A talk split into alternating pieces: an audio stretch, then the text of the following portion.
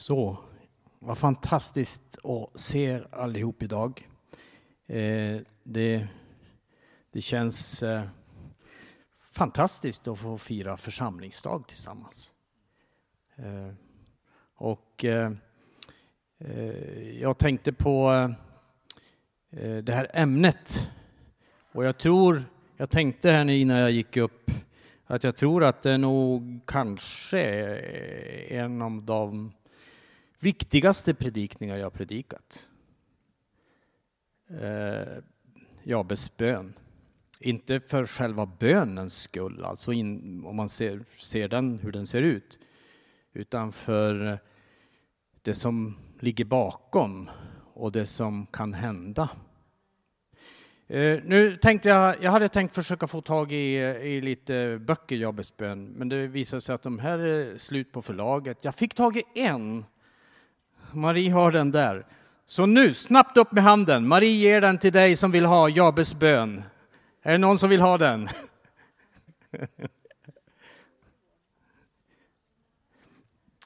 Jabes bön. Eh, och vi läser texten eh, där det står så här. Men Jabes var mer ansedd än sina bröder. Hans mor gav honom namnet Jabes, för jag har fött honom med smärta, sa hon. Jag besropade till Israels Gud och sa, O att du ville välsigna mig och utvidga mitt område och låta din hand vara med mig. O att du ville göra så att jag slipper olycka och smärta. Och Gud lät det bli så som han bad. Eh, det här kortet ni har fått också, jag ska förklara det innan jag börjar predika. Det är så att eh, eh i, I samband med att vi fick förfrågan om att komma hit till Gävle under en vakansperiod så var jag ute i, och bad för det. Och då kände jag, det var som jag upplevde Guds viskning, hundra bedjare för Gävle. Och eh, jag har gjort ett litet matematiskt överslag.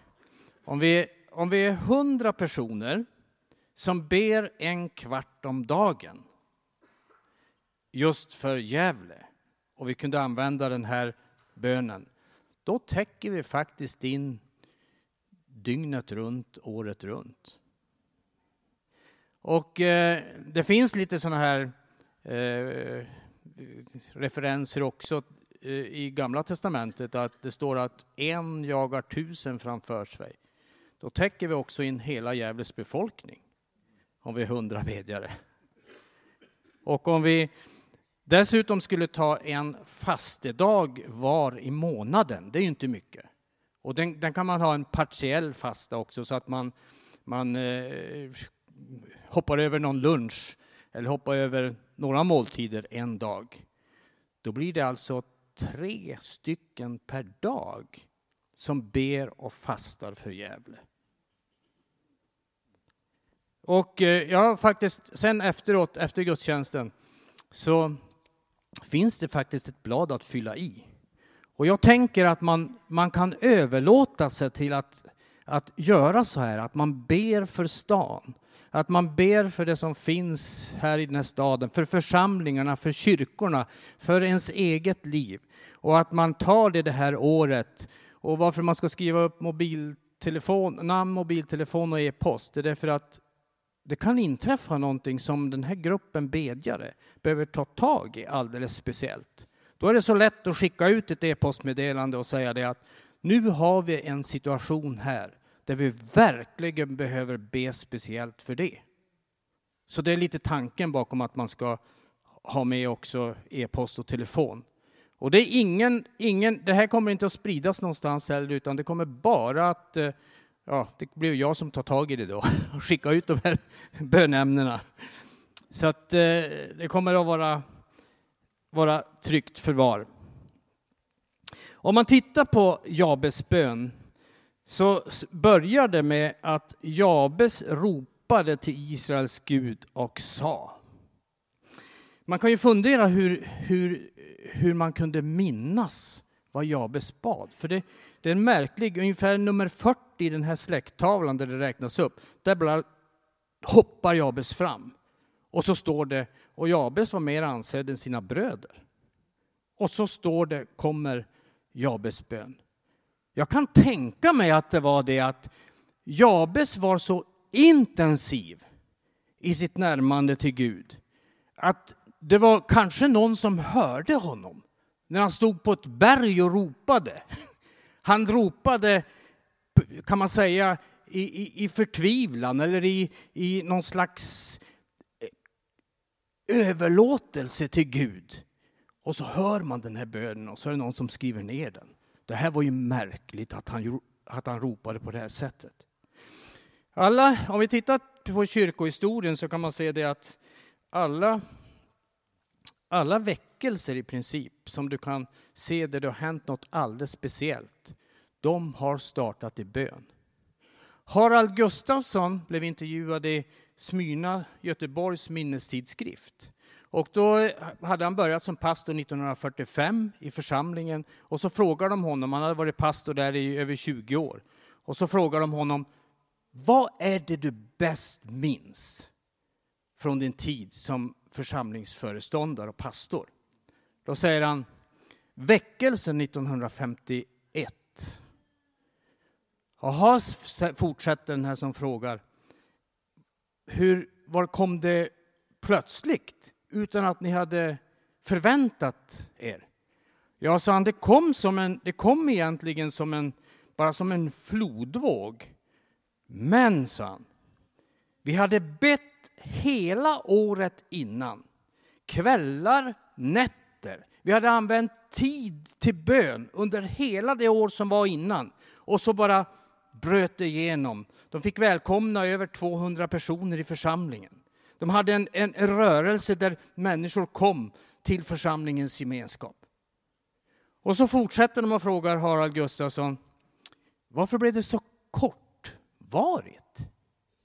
Då säger Harald Gustafsson, vi blev så upptagna med oss själva.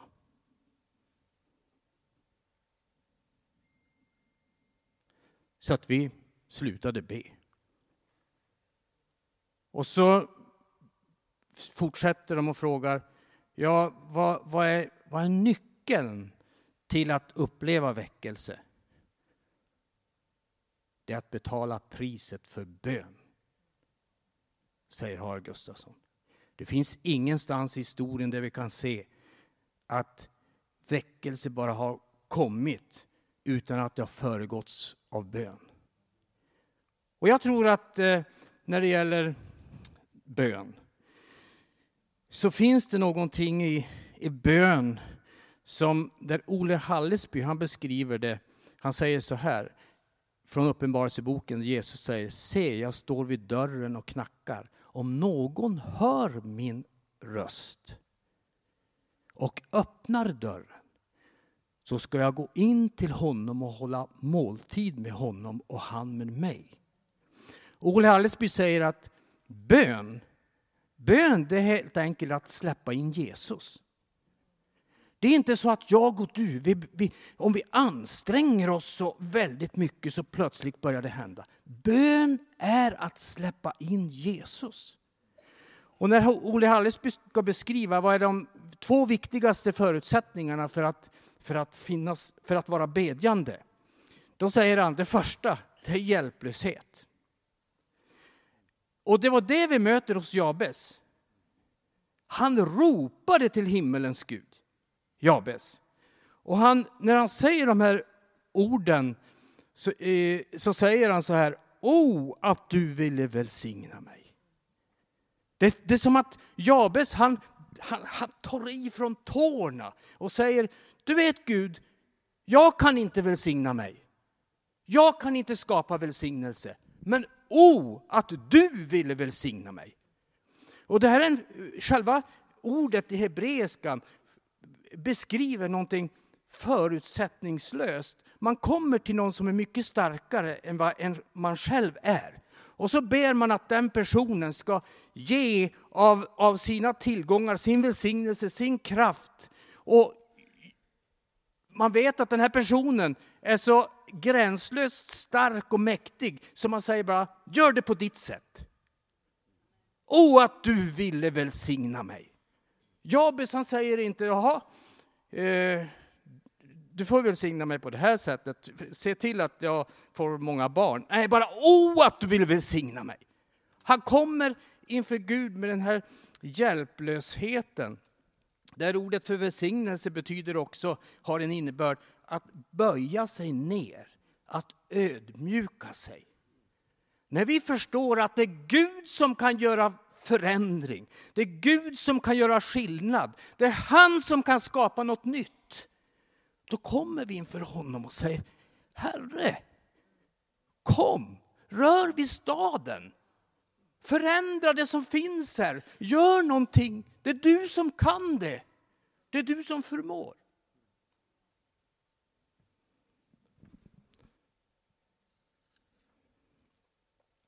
Sen, sen säger, fortsätter han och ber och utvidga mitt område. Utvidga mitt område.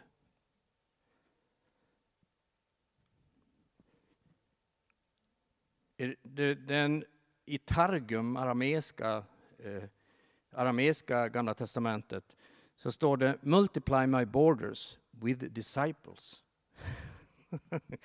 Ut, utvidga mina gränser med lärjungar, står det i den arameiska texten. Och vi vet inte riktigt vad, vad eh, han tänkte på, Jabes, när han bad där, utvidga mitt område. Men det finns en betydelse också i, i den här texten som, där, där vi förstår att han, Jabes, han, han tänkte kanske inte så mycket på, på specifika saker, utan han tänkte på att Gud kunde bara svämma över. För det finns i uttrycket utvidga med ett område så finns det också en koppling till när gräshoppsinvasioner kommer. Det bara, det bara svämmar över, det bara öser på. Så Jabes han säger egentligen så här. Kom Herre!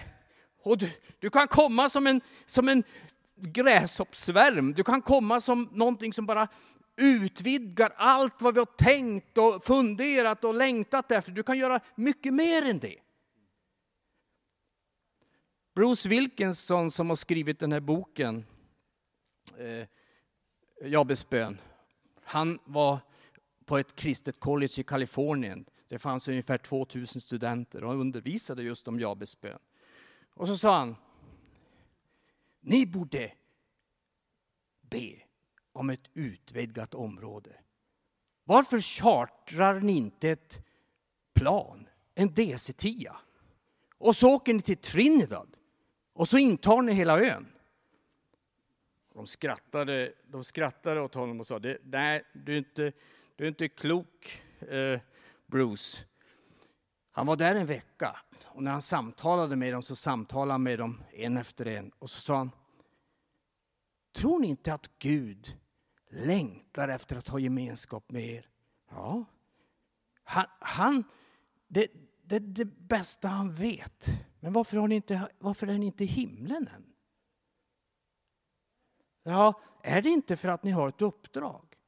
Att sprida Guds rike, att tala om för andra att de kan också få gemenskap med Gud.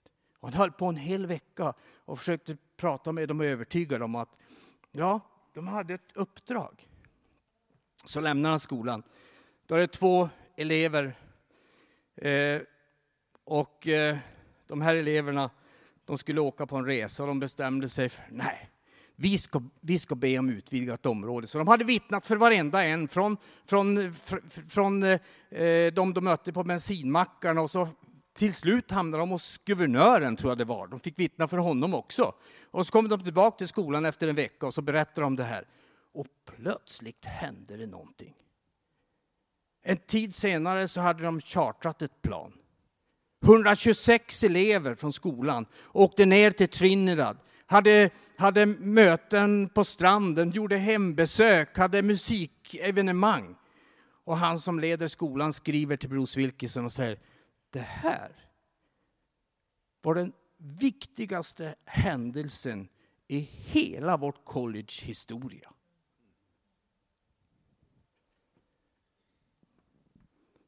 Utvidga mitt område. Och här på den här lilla lappen så så finns den här uppmaningen, ber att Guds rike får framgång genom dig i staden med väckelse, förnyelse och att många människor får uppleva Jesus som sin frälsare. Bed om ett utvidgat område här i stan. Bed om ett utvidgat område för Guds rike i den här staden. Och så ber, så ber han och låt din hand vara med mig. Vad var det för speciellt med Guds hand? I, på många olika ställen så står det talas om att när, när det hände någonting speciellt och där Gud var färdig så talas det om Guds hand. Och i hebreiskan så talas det om en öppen hand. Guds öppna hand. Och handen, Guds hand, handlar också om att Gud gör någonting. Gud sträcker ut sin hand och gör någonting. Gud kan göra otroligt mycket genom dig och mig. Om vi låter honom göra det. Om vi ber, släpper in Jesus, släpper in Gud i det som vi är och det som vi har. Och på den här lilla lappen ni har, och det är för att man ska kunna eh, be för olika saker, så är det de, eh, man kan säga de sju viktiga eh, samhällssakerna som Lauren Cunningham, Bill Bright och Francis Schaeffer fick på 70-talet som de sju samhällspelarna. Vad ett, vad ett samhälle är uppbyggt på. Familjer, Guds församling, politiker och myndigheter, media, utbildning, näringsliv och arbetsplatser och kultur och idrottsvärlden. Och när du ber, om du följer den här lilla lappen när du ber, så känner du säkert personer inom de här olika områdena. Be för dem. Be att Gud ska möta dem. Be att Guds hand är över dem. Be att Gud välsignar dem. Be att Gud ger dem den rätta, rätta, den rätta visdomen. Be att Gud leder dem i de olika situationer de är i. Och be att du får bli använd av Gud. Vid ett tillfälle så bad Bruce Wilkinson precis den bönen när han sätter sig i bilen och ska åka hem sent en kväll. Så ber han Gud, använd mig. Och jag vet inte exakta orden. Låt din hand vara över mig. Och låt mig få vara till välsignelse. Och så kommer han körande på motorvägen och så ser han eh, en avtagsväg och där ser han i den här avtagsvägen så står det en, en, en eh, bil, kombibil, stor kombibil. Och så står det någon utanför med turban på huvudet. Och det är jättevarmt sommartid. Så han tänker, ja, jag åker in. Och så åker han in, svänger in och så säger han till den här mannen, hoppa in i min bil, det är mycket kallare här och jag har, jag har eh, eh, kylan på i bilen, så hoppa in. Och så när han hoppar in och sätter sig bredvid honom så säger han, ja, här har du lite vatten. Och så hade han en vattenflaska han gav honom. Och den här mannen han suckar och säger, det är inte, inte bara att bilen har gått sönder, jag har stått här i flera timmar. Ingen stannar. Och till och med människor bara ropar ropar okvädingsord mot mig när de kommer och vevar ner rutan och så ropar de åt mig. Det är nog det värsta, säger den här mannen. Då säger Bruce Wilkinson, ja, om mina medtrafikanters vägnar så vill jag säga förlåt. Du är inte en sån person. Du är långt ifrån en sån person. Förlåt. Och så tar han upp ett kuvert som han hade i, i, i sin, eh, om det var börs, tog upp ett kuvert och sa här har du pengar som räcker till att ta därifrån bilen, föra den till reparation och eh, allt du behöver. Du kommer att, och, och fixa det här. Det var så till storyn hör att Bruce Wilkinson gick omkring med pengar som han kallade för God's pocket. Och det där hade han, en del hade, ibland hade en del gett honom pengar och sa ge det här åt någon som behöver det. Så han hade ett kuvert ofta som han kallade för God's pocket, det är Guds pengar. Som han bara bad om Guds ledning att få bli till välsignelse för människor när han gick fram. Och det var en sån här God's pocket som han nu gav vidare. Och den här mannen han, han tittar bara på Bruce Wilkinson och säger Va? Säger han, ska jag få? Ja, ta det här. Ja, men jag, får jag ditt, får jag ditt eh, eh, telefonnummer så kan jag ringa och så kan jag skicka pengar. Nej, säger Bruce Wilkinson. Det här har jag fått för ett speciellt ändamål och det är du som ska ha det. Så går han ut, mannen, börjar gå mot sin bil. Sen vänder han tillbaka och så kommer han tillbaka och så öppnar han dörren och säger han, är du en ängel? Nej, säger, säger Bruce, men jag är sänd. Då tittar mannen på honom och säger, av Gud? Ja, säger Bruce. Du kan få vara med om att Guds hand vilar över ditt liv. Du kan få vara med och få bli till välsignelse för människor. Du kan få vara sänd av Gud rakt in i olika situationer uppleva att du får ett utvidgat område, men du får också uppleva hur du får vandra tillsammans med Gud och vara med om sådana här situationer där du får vara till välsignelse. Jag var med om en liten sån grej, för jag körde lite God's pocket ett tag. Så jag, jag tänkte jag måste testa det. Så var jag på väg till en gudstjänst och när jag åker så, så visste jag att i gudstjänsten så skulle det var det en person som behövde en blomma. Så jag åkte in eh, till en affär och så när jag kommer dit så, så köp två blommor hör jag. Två blommor? Det var ju en person. Nej, så jag köpte två blommor.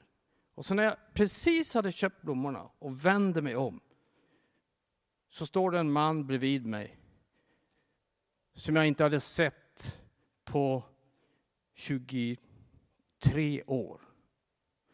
Han hade varit med i, i aktiviteter som vi hade haft i Bergakyrkan under den perioden. Och jag bara tog en blombukett och sa, du, vad roligt att se dig, det var länge sedan. Ta den här blombuketten, ta med dig hem till din fru, ta hem till din familj. Och han, han, han, han visste inte riktigt vad han skulle säga, men han tog emot den och var jätteglad för att han fick den. Det var en liten, liten, liten händelse. Men jag tror att jag och du kan få vara med och uppleva hur Gud leder oss, hur Gud välsignar oss och hur Gud är med oss genom livet. Det fjärde som han ber, det är o att du ville göra så att jag slipper olycka och smärta. Det var ju kanske en liten eh, konstig bön. Men kanske inte ändå. Det var så att Jabes hade fått ett namn som betydde smärta. För att hans mor hade fött honom med smärta. Och han använder samma ord här. O, att du ville bevara mig från olycka och smärta. Och namngivandet i den hebreiska traditionen var sån att det namn man fick det var någonting också som han symboliserade, som han var. Det var inte så att namnet bara var där borta och jag var här. Utan var det någon som fick ett namn så kunde namnet innebära en, en välsignelse eller i det här fallet en belastning. Och det som händer här med Jabes, det är att han, han bryter sig ur. Han bryter sig ur det sammanhang som han befann sig i på grund av namngivandet. Och så säger han till Gud, låt inte olycka drabba mig. Låt inte namnet vara en verklighet. Låt inte namnet vara någonting som symboliserar mig. Ta bort det från mig. Låt mig vandra utan betydelsen som finns i detta namn. Ibland kan det vara så att de omständigheter som vi hamnar i vill karaktärisera de tankar vi har om vart vi är på väg. Eller saker vi får uppleva kan också vara det som får oss att nästan krypa ihop och känna det. Vem är jag? Vad kan jag göra? Tänk inte så. Du kan be den här bönen. Du kan be Gud välsigna dig. Du kan be Gud ta dig ut ur det sammanhang som vill begränsa dig. Låt, låt det få bli större vyer. Låt dig se större saker. Koppla inte ihop med bara vad som har hänt, vad som har blivit, vad som är. Utan låt det som har blivit, det som är och det som har varit, låt det få koppling till han som kan förvandla. Han kan förvandla ditt liv, han kan förvandla framtiden, han kan förvandla där du är på väg. Han kan låta dig se helt nya vyer. Det stod i den här texten att Jabes aktades av sina bröder. Han var högt, högt ärad av sina bröder. De hade sett någonting. De hade sett att Jabes hade tagit tag i någonting, fått tag i någonting som förändrade situationen. Tänk om jag och du skulle ha nu, nu, nu utmanar jag, nu utmanar jag er. Använda det här lilla kortet. Jabes bön. Nu fick jag inte med mig något upp här. Men ni har, ni har fått det allihop, va? det här lilla Jabes bönkortet. Tänk om vi skulle använda det för att förändra vår egen framtid. Men även förändra Gävles framtid. Jag, jag, ba, jag hade, det här började be Jabes bön här för någon vecka sedan. Och så var jag ute här, vi bor ju här borta, så jag gick här lite runt.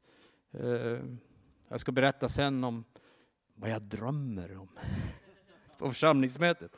Men jag, jag började gå runt där och så bad jag Jabes bön. Jag bad för Gävle, jag bad för... Och så var det som jag upplevde Gud sa. Ja, det kan bli, det kan bli lite rörigt. Det kan bli lite rörigt. Och då var det som att jag frågade, vad då rörigt? Det kommer människor med behov.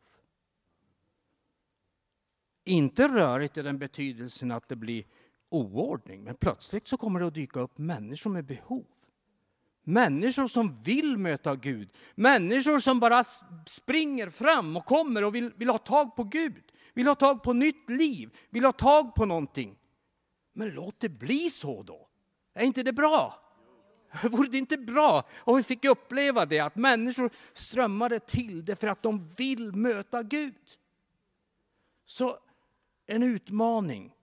Ta det här kortet med dig och börja be. Du kan, där, du, där du bor kan du gå runt och be i området. Du kan be för trappuppgångar. Det går inte att komma in i några trappuppgångar, men, men du kan be för, utanför trappuppgångarna. Du kan be där folk bor, runt omkring. Och här ser jag ett område också runt kyrkan, där det är öppna brevlådor. Jag delade ut lite alfalappar här i området, höll på att slå näsan i, eller jag ramlade, men det var jättehalkigt. Men jag klarade mig bra, så det blev ingenting. Men det finns, det finns öppenhet också. Människor söker Gud. Och vi, har, vi såg det, vi kände det på alfagruppen också, vi hade första samlingen. Människor söker Gud i Gävle. Människor söker Gud i Gävle. Och nu vill jag backa tillbaka till det jag sa från början om väckelse. Väckelse kommer som svar på bön. I, på 1970-talet i Nagaland så hade en baptistförsamling nonstop bön i ett års tid, dygnet runt. Och plötsligt bara exploderade det i Nagaland. Vid ett tillfälle tror jag man döpte tusen personer samtidigt i en stam. Så man räknar med att 90 procent av alla som bor i Nagaland är kristna. Man förvandlade, det var pubbar som bytte namn, rockgrupper som hette någonting med Devil, plötsligt så var det Glory istället. Så de, eh, allting förändrades i hela Nagaland som svar på bön. Man var fler som hade slutit upp också, församlingar som bad under den här perioden. Berättar att någon hade haft två, två års bön. Alla församlingsledare i Nagaland hade kommit överens om att be tillsammans för väckelse. Det kan hända här. Vi kan få vara med om det här. Men som Harald Gustafsson sa, är vi villiga att betala priset? Vi kan ha verksamhet i vår egen kraft. Men då blir det bara med våra egna resultat. Men vi kan få verksamhet med Guds kraft. Och då behöver vi söka honom för att få den kraften. Men då blir det också Guds resultat. Gud kommer att göra någonting. Gud kommer att förändra. Gud kommer att röra vid oss. Vi kommer att uppleva kanske att det här var inte, det här var inte så bra för mig, för nu behöver, jag, nu behöver jag ta tag i de här sakerna. Men Gud kommer med sin kraft och vi får uppleva att han, han kommer och utvidgar vårt område. Låt oss be. Tack Herre för att du vill låta oss få uppleva hur du kommer med din kraft ibland oss. Och vi vill göra Jabes bön till vår egen bön. Låt oss, låt oss göra den till vår egen bön Herre, att vi får be om din välsignelse från dig som välsignar. Det är du som välsignar. Det är du som kan möta. Och vi ber dig helige Ande att du ska komma och röra här i, i Gävle vid människor. Runt omkring i våra bostadsområden, där vi finns och där vi är. Runt omkring i stans centrum, i, i olika köpcentrum, så ber vi att du ska möta och du ska röra vid, vid människor. Låt människor få uppleva syndanöd. Låt människor få uppleva att de behöver dig. Och vi tackar dig för det som redan är på väg. Vi tackar dig för det som vi redan ser. Precis som profeten, profeten såg långt borta ett litet moln och förstod att nu kommer regnet. Tack att vi får se dessa tecken av människor som har börjat söka dig, som vill ha tag på dig och som till och med fått göra upplevelser med dig. Vi ber dig att du, du sänder din helige ande med en väckelseperiod över den här staden. Att människor får tag på dig. Att vi får också uppleva i våra, alla våra kyrkor hur det blir en, en, en rörelse ifrån dig. Inte från oss, utan från dig. Att du rör vid oss var och en. I Jesu namn. Amen.